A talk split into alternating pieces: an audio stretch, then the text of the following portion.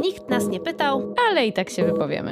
Feministyczny podcast o kulturze, społeczeństwie i wszystkim tym, co nam się podoba. Zapraszają Kasia Chrobak, Agnieszka Szczepanek i Mopsiczka Linda. Cześć, tu Kasia. Dzisiaj przygotowałam dla Was odcinek reporterski. Miałam ogromną przyjemność uczestniczyć w tym tygodniu w wspaniałym wydarzeniu. Była to konferencja herstoryczna i od razu, kiedy tam zostałam zaproszona, pomyślałam, że to będzie świetny materiał do odcinka. Powiem na wstępie, że było to wspaniałe spotkanie z niesamowitymi kobietami, aktywistkami, pisarkami, dziennikarkami, publicystkami, wykładowczyniami, z gospodyniami kół gospodyń wiejskich, z radnymi, z polityczkami lokalnymi, no z mnóstwem, mnóstwem kobiet, z kobietami, które prowadzą NGOsy, które prowadzą warsztaty dla dziewczynek, dla kobiet. No było to po prostu wielkie święto kobiecej aktywności. I o tym, co to było za wydarzenie, porozmawiałam sobie krótką chwilę z Oliwią Olesiejuk, która zaprosiła mnie do tego, e, do udziału e, w tej konferencji. Ja występowałam tam w roli e, moderatorki dyskusji, dzięki czemu mogłam wysłuchać w skupieniu wszystkich wystąpień i zadać pytania, które mi się pojawiły. Ale muszę powiedzieć, że bardziej moją rolą było pilnowanie tego, by nie przekroczyć zaplanowanego w konferencji czasu, bo wszystkie osoby obecne na konferencji bardzo chętnie dzieliły się swoją wiedzą, swoimi doświadczeniami. Również osoby z widowni bardzo chętnie zabierały głos, zadawały pytania. Było to naprawdę niesamowite, inspirujące wydarzenie, o którym ciężko opowiedzieć e, na pewno w podcaście, ale gorąco Was zachęcam do tego, żeby zerknąć sobie na stronie Pałacu Dąbrowskiego w Winnej Górze, czyli na stronie mm, instytucji, która była organizatorem tego wydarzenia. Zerknijcie, jaki tam był program, jakie tam były gościnie zaproszone, prelegentki.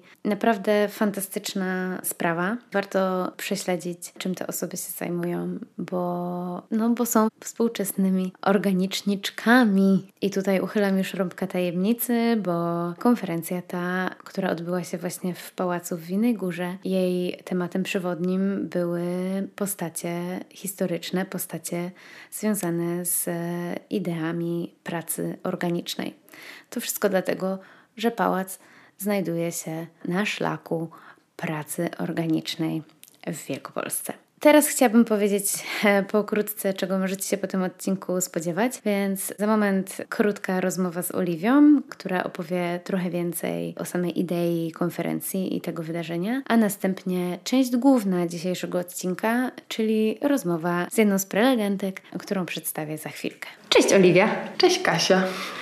Jesteśmy w pałacu generała Henryka Dąbrowskiego, Jana Henryka Dąbrowskiego. Jak się Pałacu nazywa? generała Dąbrowskiego w Winnej Górze. I co tu robimy? Jana Henryka, tak. Jesteśmy tutaj dlatego, że od wczoraj odbywa się konferencja poświęcona herstoriom wielkopolskich organiczniczek. Konferencja pełna jej nazwa brzmiała Herstorie, praca organiczna kobiet. No, pomysł na konferencję narodził się przede wszystkim z tego, że jesteśmy w takim miejscu, y, czyli w Pałacu Generała Dąbrowskiego w Winnej Górze, które jest y, nową instytucją kultury, która się wytwarza. Jest instytucją kultury, która jednak zajmuje się historią i bardzo takim specyficznym jej okresem, bo y, historią związaną z tym czasem, kiedy Polacy mocno walczyli w różny sposób o odzyskanie niepodległości i to jest związane z jednej strony z tym, że jesteśmy w Winnej Górze, gdzie mieszkał generał Jan Henryk Dąbrowski, czyli mamy tą taką niepodległościową historię związaną z Dąbrowskim, a z drugiej strony jesteśmy w Wielkopolsce, która jest bardzo mocno związana z y, pracą organiczną, która reprezentuje trochę inny sposób walki i o mhm. niepodległość.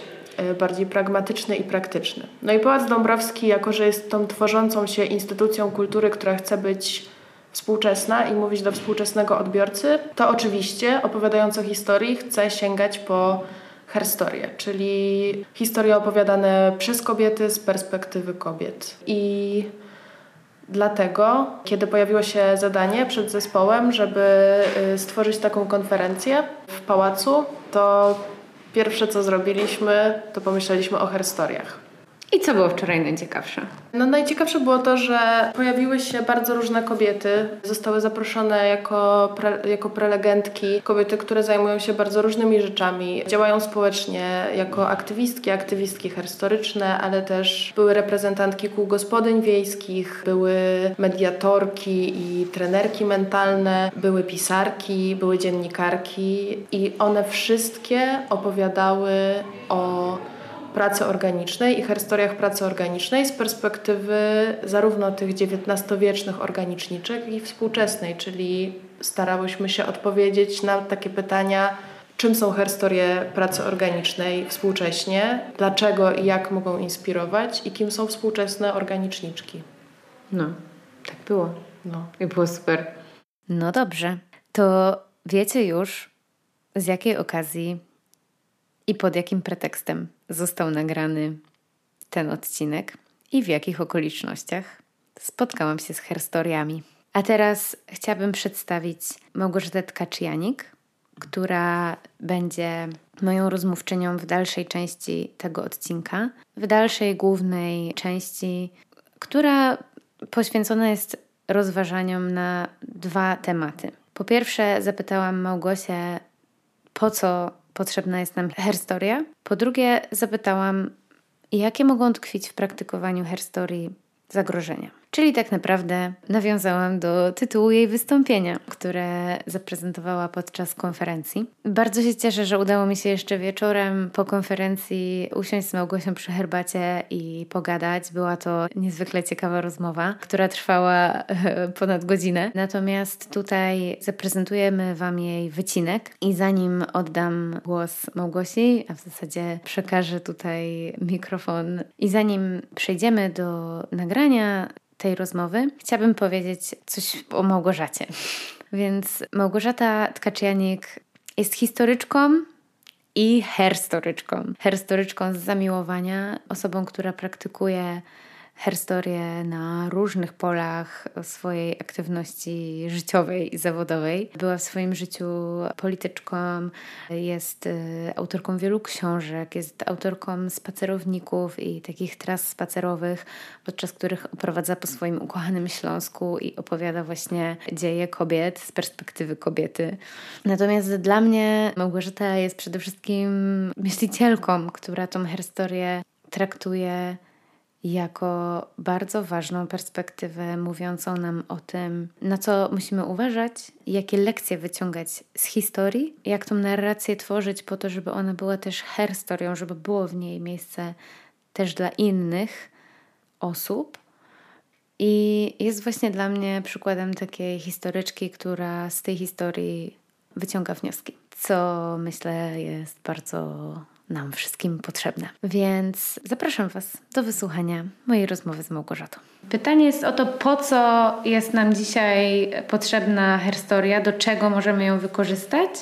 Czy to jest tylko jakaś taka moda tych rozczochranych feministek, czy ona rzeczywiście może być jakimś narzędziem dla nas? Tak, może być narzędziem bardzo istotnym. Myślę, że zawsze nam była potrzebna. Ona po prostu teraz wypłynęła. Jest jej rzeczywiście wokół dużo. Jest też nadużywana. Może to od razu jedno z zagrożeń, o których do tej pory nie mówiłam, ponieważ pojawia się teraz herstoria wszystkiego. Herstoria sportu, herstoria zielarstwa, herstoria kucharstwa, herstoria aptekarstwa. Herstoria organiczniczek.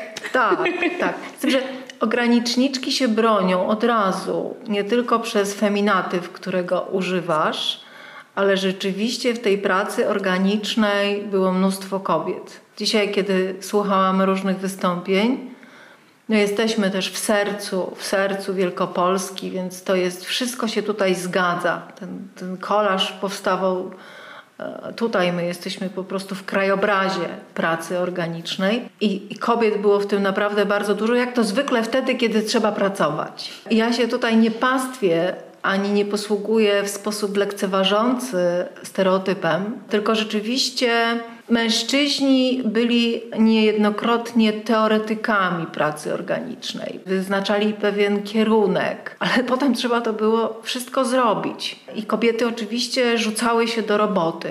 Ale zagrożenie, wracając do meritum, istnieje, bo faktycznie jest to z jednej strony moda, ale z drugiej strony to jest y, kwestia pewnych wzorów, których nie posiadamy, o czym też dzisiaj wielokrotnie e, mówiłyśmy. Ja to nazywałam tak akademicko tą nieobecnością substancjalną w historii. No ale żeby okay, tłumaczyć tak to na język po polskiego na nasze, jak mówiła moja babcia z Drochobycza, chodzi o to, że patrząc wstecz widzimy same męskie postaci. Mhm. Figury męskie, wręcz no po prostu chłopaków w spodniach na Mówiłyście, na pomnikach te wąsy. Sama to mówiłaś. Mhm. Ale to jest w naszej wyobraźni. My to mamy jakoś wyobrażone. I to są rzeczywiście męskie postaci. Natomiast brakuje tam kobiet.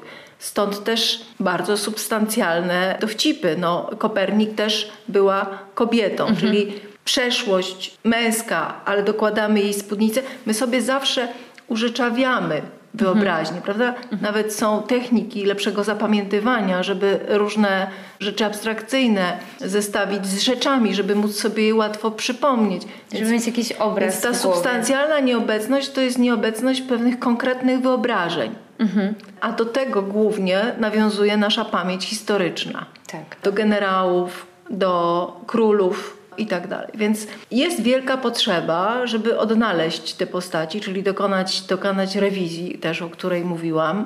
Mhm. Rewizji narracji historycznej, z którą nam przyszło mierzyć się od dziecka. No bo brakuje dziewczynkom i dziewczynom, ale także nam, kobietom, wzorów, do których mamy się odnosić. I to nie jest kwestia tego, że mamy się stać królową Jadwigą, albo królową Boną, albo że mamy zostać Marią Skłodowską-Curie od razu, czy w ogóle.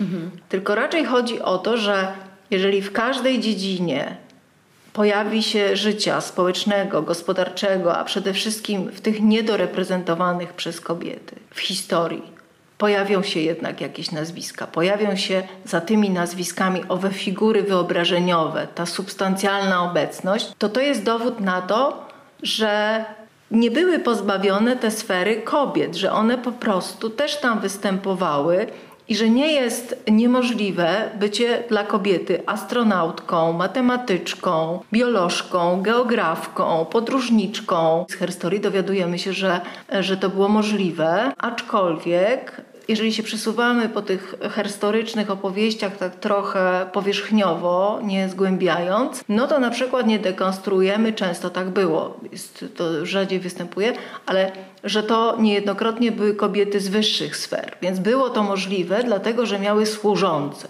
Tak, albo bogatych tak, rodziców. Albo właśnie, albo tak, tak. I w związku z tym te sprawy domowe były załatwione przez osoby do tego mhm. zatrudnione, ale to też się zaczyna wyrównywać na szczęście, bo to już też sobie my, kobiety, które się tym zajmujemy, a jest także coraz większa ilość mężczyzn, już powiedzieliśmy sobie, że rzeczywiście tak było, więc służące też zostały zbadane. Mhm. Świetna wystawa w Warszawie, w Muzeum Miasta Warszawy o służących jako o jednej z największych grup zawodowych dwudziestolecia międzywojennego w Warszawie. Kompletnie grupa pozbawiona praw. Grupa właśnie którą zainteresowane były różne siły polityczne i różne siły religijne, bo wszyscy je chcieli wziąć mhm. i posiadać w pewnym sensie. To znaczy, mhm. łatwy to był łup z jednej strony, no a z drugiej strony pozyskanie czy to takiego elektoratu dla Narodowej Partii Robotniczej, bo tak to się w Polsce często dzieje, że wszystko mamy narodowe. Teraz też, e, to jest też interesujące zjawisko, ale też dla Kościoła, prawda? Jedni i drudzy, i trzeci, i czwarci proponowali oczywiście tym dziewczętom tę opiekę, no bo samo zło czekało na nie w mieście. I to była prawda. Stąd misje dworcowe różnych towarzystw kobiecych, które już właśnie na wstępie ostrzegały przed, przed łatwym staniem się nierządnicą w mhm. Warszawie o różnych formach utraty pracy i tak tak ale to jest inny temat. Ja się chcę tylko tutaj po prostu powiedzieć, że Ciągniecie, zobaczono... ciągniecie w różne strony tę Tak, tak, tak. Że, ale że zo- zobaczyliśmy my także, którzy się historią zajmujemy, wewnętrzne klasowe problemy, które przez długi czas powodowały, że opowiadałyśmy tylko, tak nam opowiadaliśmy, opowiadałyśmy tylko o jednej grupie. No ale to jest w ogóle problem z historią, prawda? I że że- jeżeli się pojawia gdzieś historia grup mniej bogatych, mniej uprzywilejowanych, mniej zasobnych, to oni są, to, stają się tą bezimienną masą jakąś tam robotniczą albo niewolniczą. Podręczniki historii są wypełnione nazwiskami uprzywilejowanych, Tak. białych kolesi. Heteroseksualnych facetów. Tak, Dokładnie. no i to jest w ogóle problem z historią i historia chyba, skoro jest jej Tylko, że tutaj jest jeszcze tak, że kobiety stanowią Pochodną. połowę ludzkości i że ta nieobecność połowy ludzkości jest wyjątkowo dojmująca. Tak, oczywiście. I to też o to chodzi, że po prostu to nie jest mniejszość, aczkolwiek ja, mając głęboko lewicowe poglądy, zawsze uważam, że się trzeba przyglądać mniejszościom, gdyż one stanowią rdzeń na przykład demokracji, ale wobec kobiet to jest nie do zastosowania, bo one najczęściej są też demograficznie większością, tak? I to jest jedna, jedna że, że po prostu ich tam nie ma. A bardzo ich potrzebujemy, bo potrzebujemy wzorów. I to by była taka. I my, my, kolejne pokolenia kobiet, potrzebujemy wzorów, żeby na przykład nie zaczynać od zera. Że nie przełamujemy tabu po raz pierwszy, tylko że to już się po prostu działo. Na przykład to wystąpienie naukowskie Chcemy całego życia było rewolucyjne i pozostaje rewolucyjne, bo nie jest wystarczająco opisane, bo nie jest pokazane, bo nie jest zastosowane na przykład w dzisiejszej współczesnej dyskusji feministycznej jako konflikt pokoleniowy między starymi i młodymi feministkami. Powiem w skrócie, bo nie wiem, kto to jest stara feministka, ani nie wiem, kto to jest młoda feministka, ale mówię to, wiemy wszyscy o co, że to jest Tak. międzypokoleniowy jakiś y, konflikt i on na przykład wyszedł podczas czarnych protestów bardzo silnie. Mimo, że kobiety z różnych pokoleń szły e, razem, Tak, bo to też jest sprawa, która łączy międzypokoleniowo. to język młodego pokolenia, brutalny, wulgarny, już był często nie do przyjęcia e, dla tych starszych pokoleń, a on był fantastyczny, bo to była ta moc, na którą nie było stać poprzednich pokoleń, bo się wstydziły, bo nie mogły, bo nie umiały i tak dalej, coś tam, coś tam. I to jest taka y, na przykład jed, y, jeden przykład, a drugi zawsze mnie to fascynuje, że my nie, nie wiedząc często o tym, że kobiety stosowały już pewne narzędzia, na przykład polityczne, dajemy sobie wmówić, y, że coś jest sztuczne albo że coś jest taką poprawnością polityczną. Tak jest na przykład w przypadku kwoty. 100 lat temu e, w Cieszynie istniała Rada Narodowa Księstwa Cieszyńskiego, która składała się z kilku partii politycznych. No ale na, na czele każdej z nich stał mężczyzna, ale panowie w pewnym momencie zdecydowali i zrozumieli, patrząc na otaczającą ich rzeczywistość, że kobiety bardzo wiele wniosły do tej pracy społecznej, właśnie propolskiej także, bo to rzeczywiście chodziło akurat o tę kwestię, ale zostały zauważone, poza tym były bardzo dobrze wykształcone. Akurat ta część Śląsk Cieszyński może się pochwalić taką historią wykształconych kobiet i mężczyzn, w ogóle wykształ- bardziej wykształconym społeczeństwem w tamtej części późniejszej Rzeczpospolitej już po, po zakończeniu II wojny, yy, przepraszam, I wojny światowej i po decyzji mocarstw w 1922 roku, która część Śląska tak naprawdę zostaje w Polsce. To jest bardzo skomplikowane, No ja to skrót myślowy. W każdym razie one stały się pierwszą kwotą, bo każda z tych partii zaprosiła jedną przedstawicielkę. Czyli parytet. Nie, kwota, bo Kwota. stanowiły 14,5% składu całej tej Rady Księstwa Cieszyńskiego. Okej. I ja myślę, że to jest akurat polski przykład, ale w Europie takich przykładów doproszenia kobiet do ciał decyzyjnych 100 lat temu i więcej znajdziemy, jest ich co najmniej kilka. Czyli to, co dziś proponuje często Unia Europejska w systemie demokratycznym, czyli żeby zwiększyć reprezentację kobiet albo innej grupy, bo to nie jest tylko Tak. przecież e, kwestia płci, E, To mogą być kwestie zawodowe, eksperckie. To, to się po prostu robi, żeby tworzyć pewną e, równość, pewną interdyscyplinarność i tak dalej.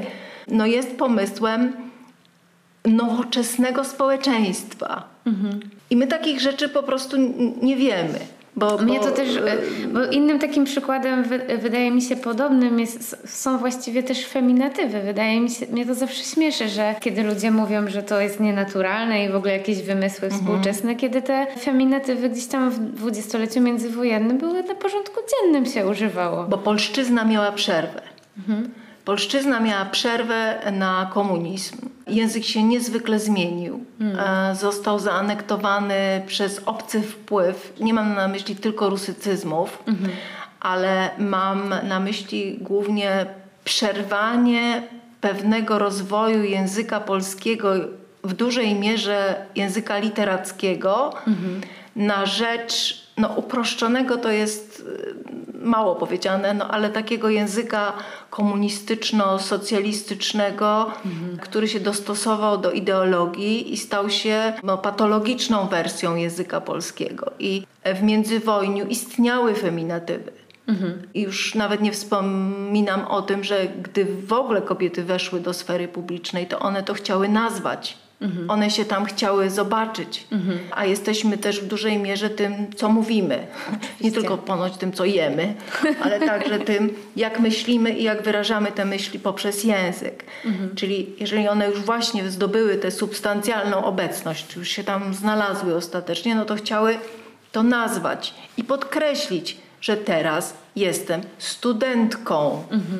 Teraz pracuję, więc jestem kamizelczarką. Tak, takie cudowne wyrazy też się pojawiały. Teraz pracuję, więc jestem juralistką, tak, tłumaczką i tak dalej. No, po prostu Ten pomysł już był i on jest potrzebny, tak jak mówisz właśnie. Ale tak się właśnie nawet bardziej naturalnie język polski rozwijał niż pani kierownik. No tak.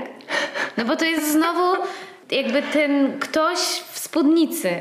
Nie? To jest Oczywiście. to znowu to przebranie. To jest PRL też. Bo to, że w PRL-u dwa etaty, pół wypłaty, to jest cudowny skrót myślowy, prawdziwy, nie tylko z punktu widzenia historycznego, ale także jak się głębiej zastanowić, co się za nim kryje, no to kryje się pozorność praw kobiet i ich faktycznego, równościowego udziału w społeczeństwie socjalistycznym. Absolutnie, mimo wielu rzeczy, o których możemy mówić, że były bezcenne, jak przedszkola, żłobki, jak pewnego rodzaju jednak umożliwienie ludziom e, z mniej majętnym, z małych miasteczek, z wsi, uczestniczenie, czy to, czy to w kulturze, czy to bycie nawet w hotelach robotniczych. Ja często o, tym, o tym mówię. Ten hotel robotniczy jednak zapewniał wodę płynącą z kranu, nawet jeżeli zimną, a nie trzeba było chodzić do studni. I gdy się czyta opracowania przykład profesor Małgorzaty Fidelis czy profesor Barbary Klich-Kluczewskiej i czytamy o kobietach w czasach komunizmu w Polsce, no to z jednej strony widzimy, że to jest rzeczywiście po raz pierwszy na taką skalę zaproponowanie kobietom uczestniczcie w tym życiu. Pewne rzeczy jednak zostaną wam zaoferowane. I ja naprawdę nie myślę teraz o pończochach i o Dniu Kobiet, tylko myślę o dostępie do pracy w fabrykach, właśnie dostępie do edukacji, żeby się dokształcać. To był bardzo biedny kraj i zniszczony wojną. Prawdopodobnie nie potrafimy sobie tego wyobrazić. I przed kobietami otworzyły się pewne możliwości na taką skalę jak, jak nigdy wcześniej. Ale z drugiej strony to były też te osoby, które jako pierwsze zwalniano z pracy. Więc w momencie na przykład w 1945 roku zaproszono kobiety do przemysłu, ale w 1949 roku, kiedy demografia na korzyść mężczyzn się nieco wyrównała i już były nowe ręce do pracy, to pierwsze osobniczki, które zwolniono z zakładów pracy i powiedziano idźcie sobie skąd przyszłyście, to były kobiety. Tego też nie wiemy. Tak, często. no właśnie- W ogóle nie myślimy o tym. Doświetlasz tutaj w ogóle bardzo cie, w ciekawy sposób tak, e, tak ważne to, czego, jakby co jest dla mnie esencją historii, to czego powinniśmy się tak naprawdę uczyć, nie jakichś tam dat, tylko właśnie jakichś procesów, które tłumaczą nam to, jak życie wygląda też dzisiaj, bo pewne rzeczy funkcjonują wciąż, choć okoliczności się zmieniły. I możemy zrozumieć, skąd to się bierze właśnie dzięki herstorii. I pamiętać, że to się tak właśnie układa. Że na przykład na tym polega patriarchat. Czyli czy jest to jedno z jego oblicz. Ta sama sytuacja dotyczy marszy głodowych. W 1981 roku największy marsz głodowy w Polsce i nie wiem, czy w ogóle nie jeden z największych w historii Polski tego typu otwierała kobieta, Janina Kończak w Łodzi. Kobiety szły z wózkami na czele, na czele marszu. A kiedy ostatnio upamiętniano ten fakt, to spadkobiercy, beneficjenci tej pamięci, czyli związki zawodowe, e, właściwie zapomniały o tym, że to kobiety otwierały ten marsz. I gdyby nie działalność łódzkiego szklaku kobiet, dziewczyn z Łodzi, to nie zostałoby to odpowiednio upamiętnione. I znowu coś przepadłoby w tym worze niepamięci, bo też pomijając mody wszelkie, to jeżeli nie zadbamy o to my, kobiety, to na pewno nie zadbają o to mężczyźni, bo nie mają w tym żadnego interesu, przynajmniej na razie. I to się też tego można nauczyć, bo Aleksandra Piłsudska i Mościcka, koleżanki, 10 lat kiedy, kiedy zbliżało się dziesięciolecie odzyskania niepodległości przez Polskę, zaproponowały kobietom we wszystkich istniejących już wówczas 16 województwach II Rzeczpospolitej pokazanie się tu w Poznaniu, czy tu, to, tak, bo tu niedaleko, na wystawie krajowej w specjalnym pawilonie kobiet, który się nazywał pawilonem kobiet. I miały tu przyjechać i przyjechały kobiety z zewsząd i pokazać, co zrobiły dla Polski przez te 10 lat. I to jest pomysł w ogóle fantastyczny. Pawilon za, zaprojektowała architektka. Wszystko wymyślały same. Powstało, nie wiem czy dokładnie 16, ale w wielu województwach powstawały takie lokalne komitety przygotowania do tego. Już tam w 26 czy w 27 roku. No i bardzo różnie się prezentowały, prezentowały te, te, te województwa. To kobiety przywoziły kury, które wyhodowały, jakieś nowe gatunki, przygotowywały kilimy, pokazywały zdjęcia, na których było widać, że opiekują się dziećmi, przywoziły swoją sztukę, przywoziły swoje wyroby, przywoziły dokumenty świadczące o tym, co zrobiły. Ze Śląska na przykład e, przyjechała taka księga oprawna w skórę, gdzie było 100 życiorysów kobiet wpiętych w jedną obłożoną skórą księgę. Fascynujące to jest i niezwykle wzruszające. Tak. Dlatego, że te listy, które tam były wpinane, to były albo odręcznie pisane listy, albo trochę odręcznie, trochę na maszynie, troszkę po polsku, czasami, czasami po śląsku, czasami po śląsku, po niemiecku i po polsku w jednym zdaniu, więc jeszcze taki właśnie y, wyczuwalny, historyczny moment, kiedy to wszystko jeszcze jest jakby jednoczesne, równoległe. I niezwykła rzecz, historyczne doświadczenie. Większość tych tekstów zaczyna się, że no ja właściwie to, właściwie tak naprawdę nic nie zrobiłam. No bo ja się Syndrom nazywam tak i tak, ale ta moja praca, no tu się zajmowałam dziećmi, tu byłam w powstaniu, tu urodziłam siedmioro dzieci, no trzeba się było zająć gospodarstwem. Poszłam w kopalni, trochę pracowałam, czy właściwie na kopalni, jak to się tam mówiło i dalej mówi. Pikuś. I, ale jaki podobny tryb niedocenienia się osobistego. I historia nas tego też uczy, że te wszystkie kobiety przed nami, socjalizowane w bardzo podobny sposób, nie doceniały opowieści o samych sobie. I oczywiście to był zabieg propagandowy ze strony pierwszej damy II Rzeczpospolitej i jej koleżanki, żeby zebrać kobiety w pawilonie kobiet i żeby pokazały swoje dzieło, pracę i zaangażowanie, ale było to też e, niezwykle racjonalne postępowanie wobec tego, jak oceniały otaczającą rzeczywistość i widziały, że tego miejsca dla kobiet nie ma, o ile sobie kobiety go same nie skonstruują. Tak, dokładnie. Czyli po to tam ta historia nam jest. No tak, bo my siebie w ogóle nie widzimy. I powiem coś może niesprawiedliwego dla mężczyzn, bo ja znam bardzo wielu bardzo pracowitych i bardzo zaangażowanych facetów. W ogóle jest mi ich trochę żal, bo w tym naszym feminizmie oni się pogubili. Ale tylko trochę, bo mieli dużo czasu, a teraz jest nasz czas. Ale Wydaje mi się, że kobiety wnoszą tę nową wartość czynności do tej pory zupełnie niedocenionych. Dzisiaj już socjologia mówi, że czynności opiekuńcze są podstawowym działaniem społecznym. To Właśnie kleją społeczeństwo, tak. I za to trzeba dawać ordery Tak. ale też za to racjonalnie. To znaczy nie chodzi o to, żebyśmy się znowu wszystkie zamieniły w siłaczki i kleiły, kleiły, kleiły i padały potem. Jak te robotnice.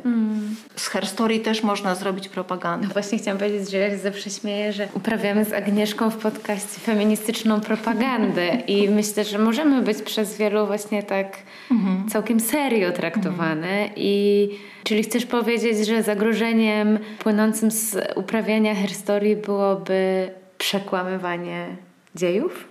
Nie, Za mocno? tylko. Nie, nie tylko. Opowiem może przy, o, o pewnej histo, histo, her, historię, historię, zdarzenie opowiem.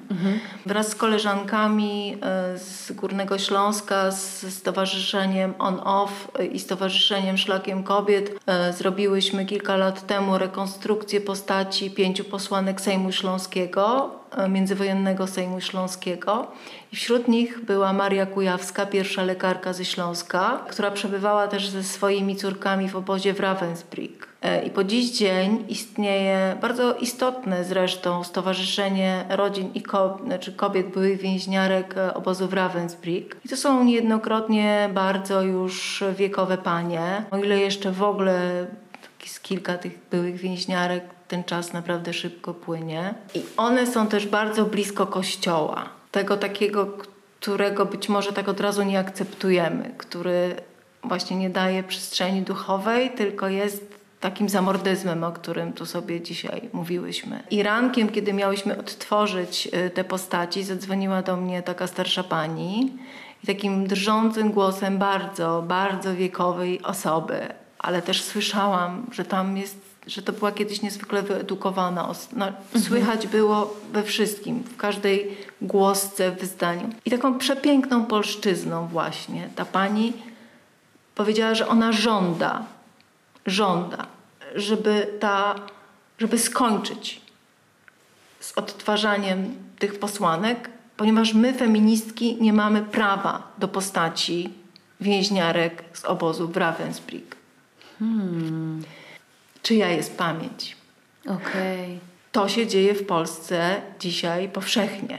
Znaczy nie, że dzwonią starsze panie do młodych feministek i zakazują To się im rekonstrukcje jakieś tam odbywać, ale sytuacje, kiedy nie będziemy o tym mówić w ten sposób, te różne procesy dotyczące symboli narodowych, które są na przykład otoczone tęczą, albo właśnie gdyby, gdyby kobiece towarzystwa międzywojenne i wcześniejsze, na przykład zaborowe, miały bardzo silne insygnia, na przykład narodowe demokratki tutaj z właśnie Wielkopolski. Dzisiaj byśmy je otoczyły podczas konferencji tęczą. Kto wie, może dla niektórych to byłoby do, nie do zaakceptowania.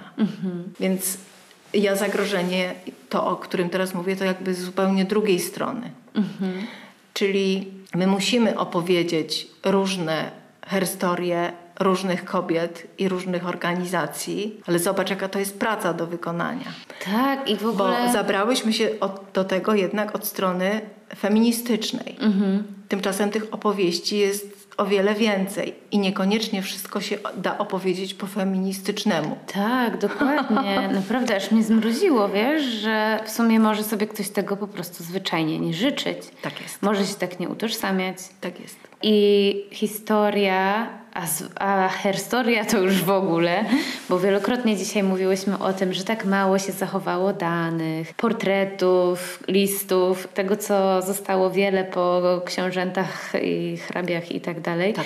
To po kobietach, działaczkach, aktywistkach, edukatorkach, nie wiem, żołnierkach, lekarkach i tak dalej z minionych epok zachowało się jeszcze mniej no to jest pokusa, żeby to uzupełnić po swojemu. I ten, Wielka.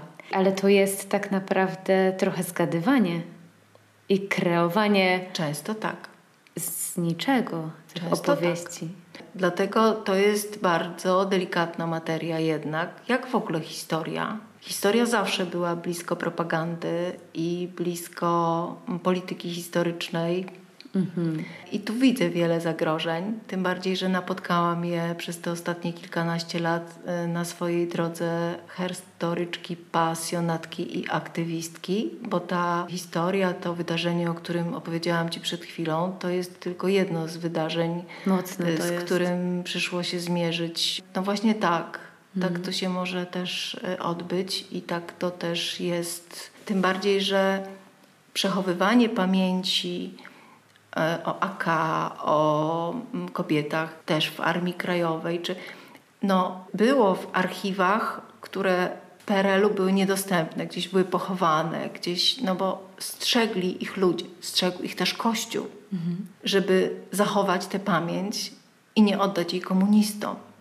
Przemiana ustrojowo-historyczno-transformacyjna wzięła te wszystkie informacje, pozwolono nam mówić znowu, ale za chwilę nastąpiła inna aneksja. Nastąpiła nie tylko taka aneksja liberalna nauki, że każdy mógł wszystko powiedzieć, ale okazało się, że demony przyszłości y, nie śpią i że ta interpretacja tamtych wydarzeń też może być różna. I przecież to podzieliło Polskę w pewnym momencie. No. Czyli trzeba pamiętać, że herstoria jest historią. W takim tym sensie, Przedmiotu o w którym szkole. teraz, tak, o którym teraz rozmawiamy, czyli naszą pamięcią. Tak. I my się mierzymy. I tą zbiorową wyobraźnią. tak, tak. Więc to dla mnie to jest niezwykle odpowiedzialna e, sprawa. Też. No, jak widać, herstorie to bardzo intrygująca i inspirująca sprawa. Mam nadzieję, że ten odcinek będzie dla Was przyczynkiem do odkrywania herstorii. Możecie to robić na różne sposoby. Możecie zainteresować się herstoriami waszych babć, prababek, ciotek, herstoriami waszego rodu. Możecie pójść lokalnie, zastanowić się, poszukać, zwrócić się do NGO-sów, które być może się tym zajmują, lub poszukać książek na ten temat i poszukać jakichś lokalnych kobiet, które wpłynęły jakoś na, na herstorię e, waszego miasta czy waszego regionu. Ale myślę, że przede wszystkim co kluczowe to to, żeby pamiętać o tym, jaką herstoria wprowadza perspektywę mówienia o dziejach, tak? I e, wydarzeniach. Czyli herstoria nie sięga po władzę i medale, zwraca oczy ku mniejszościom, skupia się na tym, jak wygląda życie wspólnoty. I myślę, że to jest ta lekcja, którą powinniśmy z przedmiotu historia wyciągać na przyszłość. To wszystko na dziś. Dzięki. Producentem podcastu jest Estrada Poznańska. Wszystkie odcinki znajdziesz na estradapoznań.pl.